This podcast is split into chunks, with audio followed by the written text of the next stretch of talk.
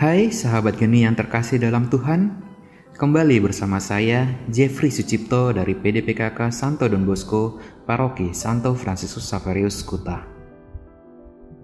Dalam bacaan hari ini dapat kita lihat ketika beberapa orang membanggakan dan mengagumi keindahan bait Allah sebagai sebuah bangunan fisik, Yesus justru mengingatkan mereka akan keruntuhannya.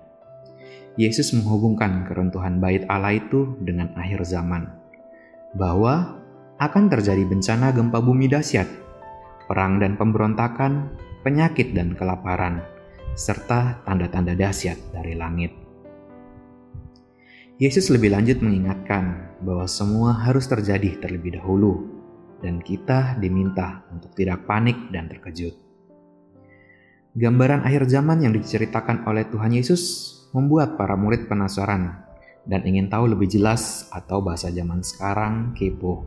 Para murid kepo kapan dan apa tandanya kiamat itu terjadi. Tuhan Yesus tidak memberi jawaban pasti atau tidak mau terjebak dalam logika pertanyaan para murid, tetapi justru memberi jawaban yang butuh dicerna, yaitu waspadalah supaya jangan kamu disesatkan.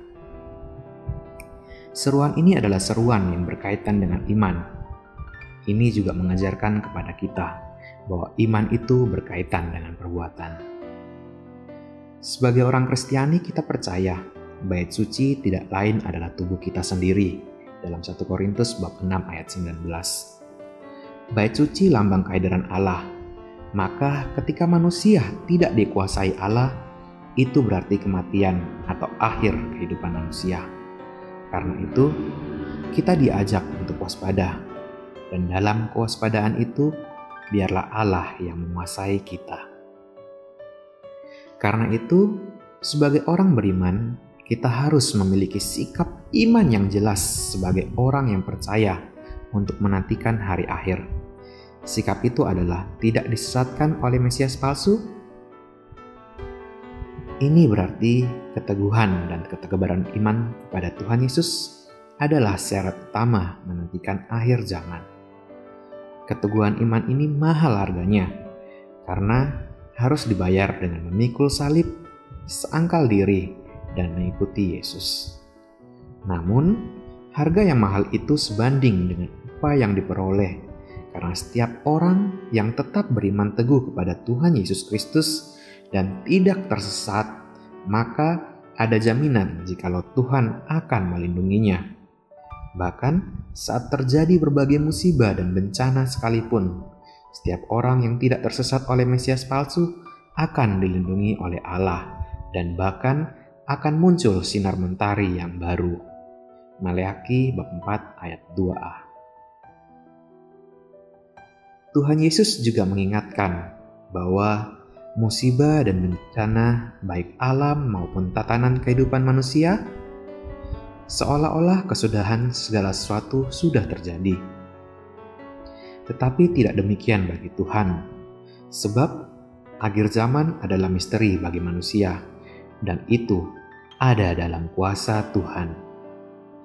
Tuhan memberikan kesempatan dan peluang kepada kita untuk menjadi penenang atau pemberi rasa tenang kepada mereka yang bingung dan takut melihat malapetaka dan musibah di dunia ini. Hal ini juga berarti bahwa kita tidak dengan mudah menganggap diri sebagai orang yang mengerti akan kehendak Tuhan. Namun, agar kita benar-benar percaya dan bersandar kepada Tuhan. Orang yang sepenuhnya bersandar kepada Tuhan itulah yang disebut beriman teguh. Dalam iman yang teguh itulah kita dengan berani bersaksi tentang Tuhan Yesus. Dan bersaksi itu tidak digerakkan atau didasari pikiran dan strategi sendiri, tetapi melalui hikmat Tuhan. Karena digerakkan oleh Tuhan dengan kata-kata hikmatnya dan bukan karena konsep dan rencana pikiran kita sendiri.